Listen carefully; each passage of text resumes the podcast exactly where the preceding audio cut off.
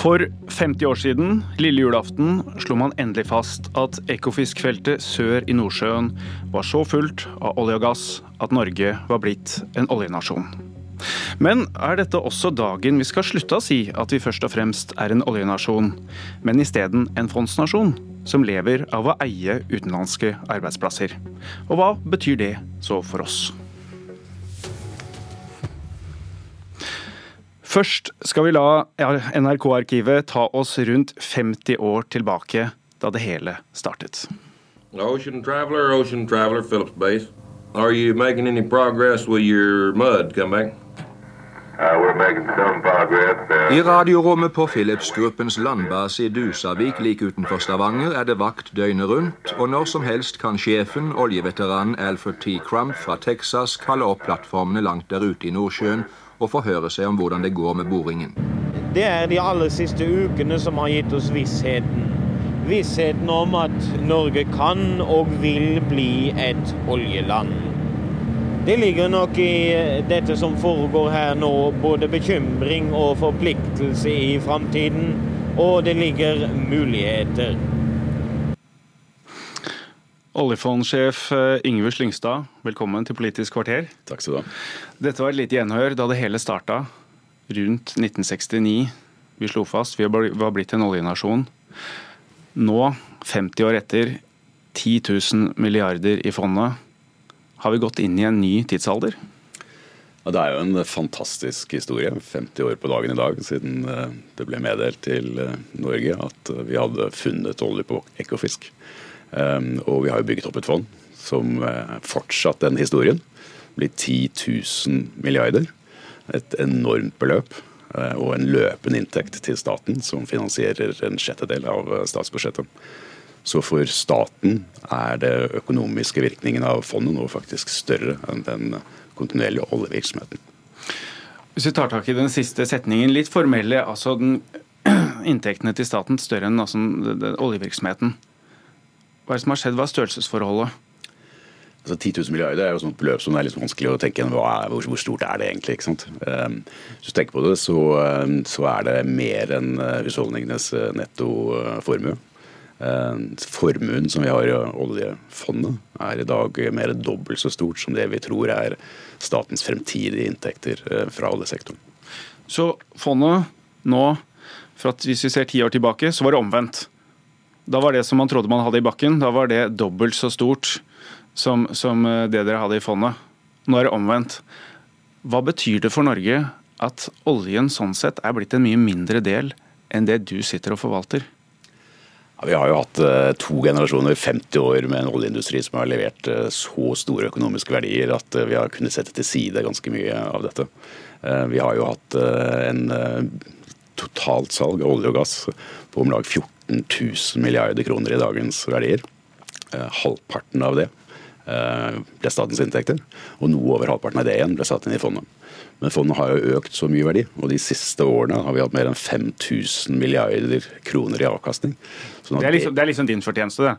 Nei, det er, eh, det er, rett og slett de valgene som ble gjort av politikerne tidlig. Og vi har jo hatt nesten en generasjon nå, oljefondet. Og så har jeg vært utrolig heldig de, særlig de siste ti årene, og særlig etter finanskrisen, med en helt utrolig avkastning på fondet. Men vi sitter i den heldige posisjonen vi er. Vi har fått bygget opp et fond fordi vi har solgt ekstremt mye olje, som for så vidt har bidratt kanskje til å gi litt utslipp i verden.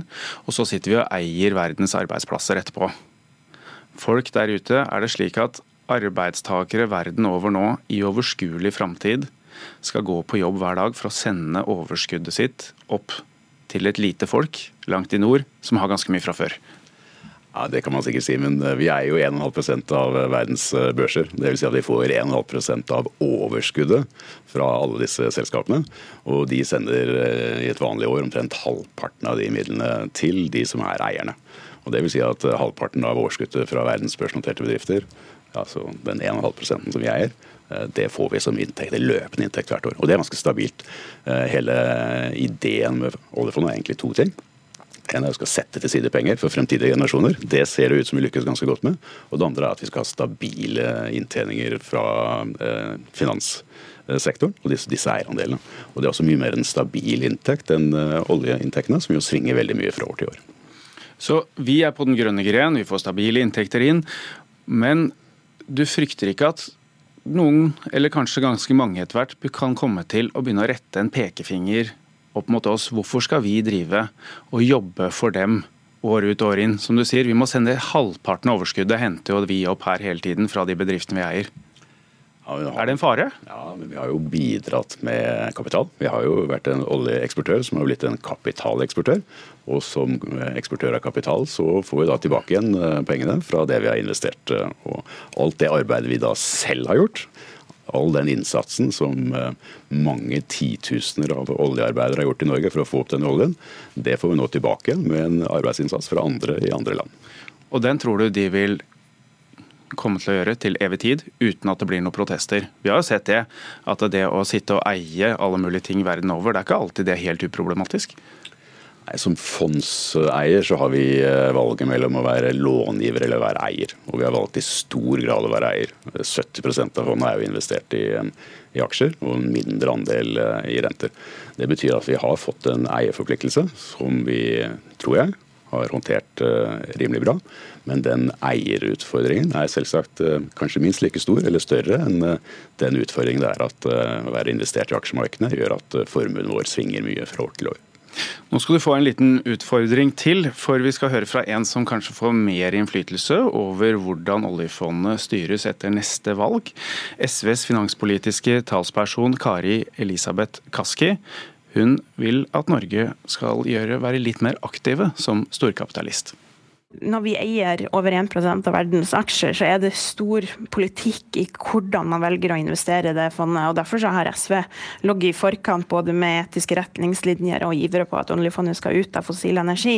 Så jeg mener helt klart at vi må bruke oljefondet til å gjøre godt i verden, og ikke bare unngå å gjøre ondt. Vi mener at ambisjonsnivået i dag er for lavt når det kommer til investeringer i fornybar energi. Det man har landa på nå er for lite ambisiøst, så jeg ønsker meg jo en mer ambisiøs Slyngstad på vegne av de fornybare prosjektene, og trykke på gassen her.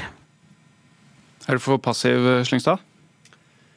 Det er viktig når du sitter som leder av et fond at du overlater den type problemstillinger til eh, politikerne. Det er, eh, det er, et fond. Det er selvsagt alle de viktige valgene tas av politikerne. og Det er folkets penger.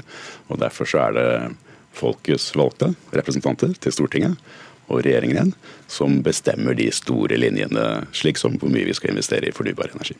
Ja, men altså, du, du har jo dine ønsker.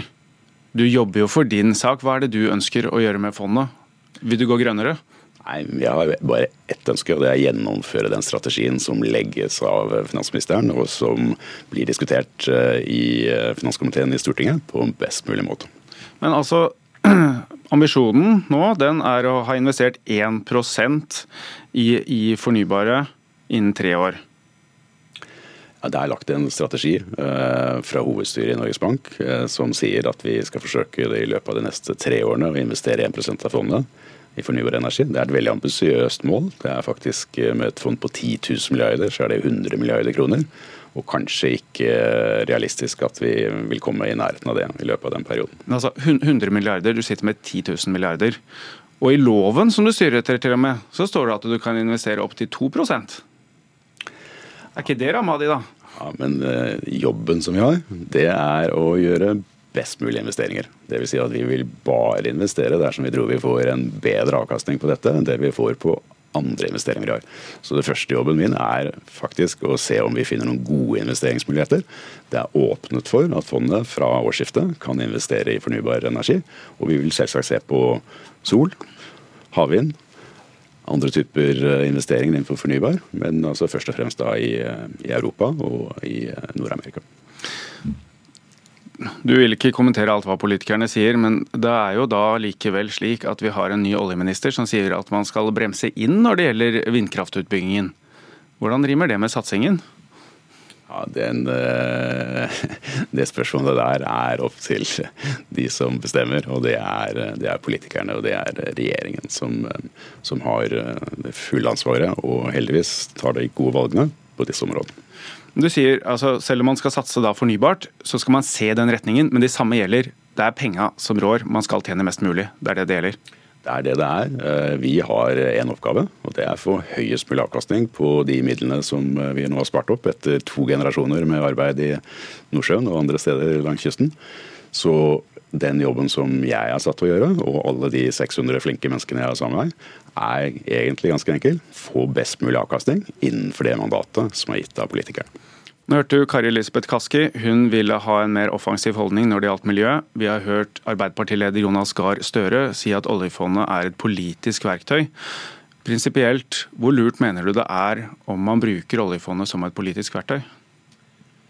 Altså, politikk handler jo om hvordan vi innretter uh, samfunnet. Og en av de viktigste valgene som vi har gjort, en av de viktigste politiske grepene også, da, den siste generasjonen, uh, det er jo opprettelsen av oljefondet og å sette til side penger for fremtidige generasjoner. Uh, det betyr at alle de viktige valgene også som gjør, gjøres, er jo politiske valg. Det er faktisk slik at det diskuteres i Stortinget hva fondet kan investere i, og hva det ikke kan investere i. Men innenfor det oppdraget vi har gitt, så har vi da gitt en frihet til å velge de investeringene som vi syns er det beste, og som gir den beste avkastningen.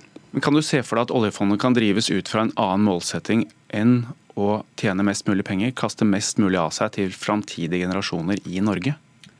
Ja, så Vi har én målsetting, og det er å få best mulig avkastning. Men så er det da retningslinjer for Men Kunne det fungert å ha en annen målsetting?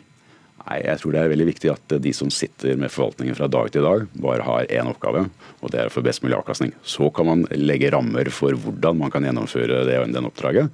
Og det er rammer som vi har fått med hensyn til ansvarlig forvaltningsvirksomhet, vi har en miljøportefølje osv. Men de rammene må være tydelige og gis av det politiske beslutningsstrukturen, eh, og ikke overlates til de som jobber i fondet. Du har sagt at du skal gi deg. Hva er det du skal drive med da? For du skal fortsette litt i fondet? Det skal jeg. Så det er eh, to ting som jeg gjerne vil uh, sørge for. Det ene er at det blir gjennomført et uh, godt skifte av ledelse, men også et slags generasjonsskifte. Ja, ja, hva, hva, hva, slags leder er det oljefondet nå trenger etter deg? Altså, først og fremst så driver vi investeringer. Så vi vil jeg anta at hovedstyret i Norges Bank som foretar den ansettelsen, vil se etter noen som kan drive gode investeringer, gjennomføre det på en god måte. Det er enormt store verdier, men også veldig store transaksjoner. Veldig mange typer finansielle instrumenter vi har investert i. Det er en stor, kompleks eh, virksomhet. Bør det være norsk? Nei, Jeg kan vanskelig se for meg at eh, det er noe annet enn en norsk person som leder oljefondet. Hvis vi skal se litt inn i det mange nå er opptatt av, for du driver med penger, og det er jo derfor vi er interessert i hva du driver med, rett og slett. Hvordan ser verden ut neste år for oss? Hva kan vi vente oss? Jeg har ofte sagt at en eh, jobb som den jeg har, er egentlig å få lov å bekymre seg døgnet rundt for hva som kan eh, gå galt. Ehm, eh, det er ikke slik at det er noen åpenbare skyer på horisonten, men det vi ser er et veldig lavt rentenivå.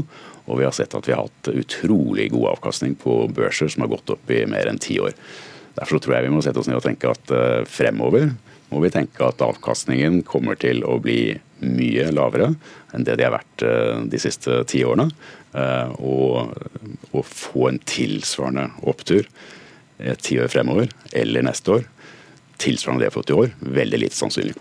I år har vi en avkastning på mer enn 50% av BNP.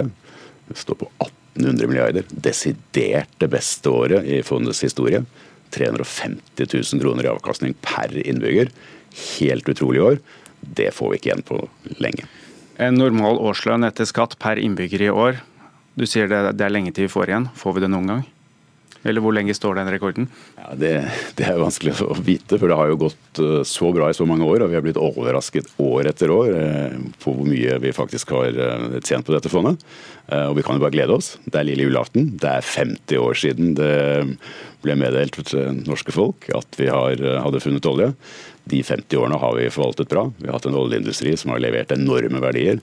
Vi har i tillegg til det fått en, et fond som har uh, hatt utrolig god avkastning. Uh, og det er det bare grunn til å glede seg over, og glede seg inn i julen over den store formuen vi faktisk har samlet opp. Da går vi inn i jula i trygg forvisning om at vi fortsatt er rikest i verden. Takk, oljefondsjef Yngve Slyngstad. Mitt navn er Trond Lydersen.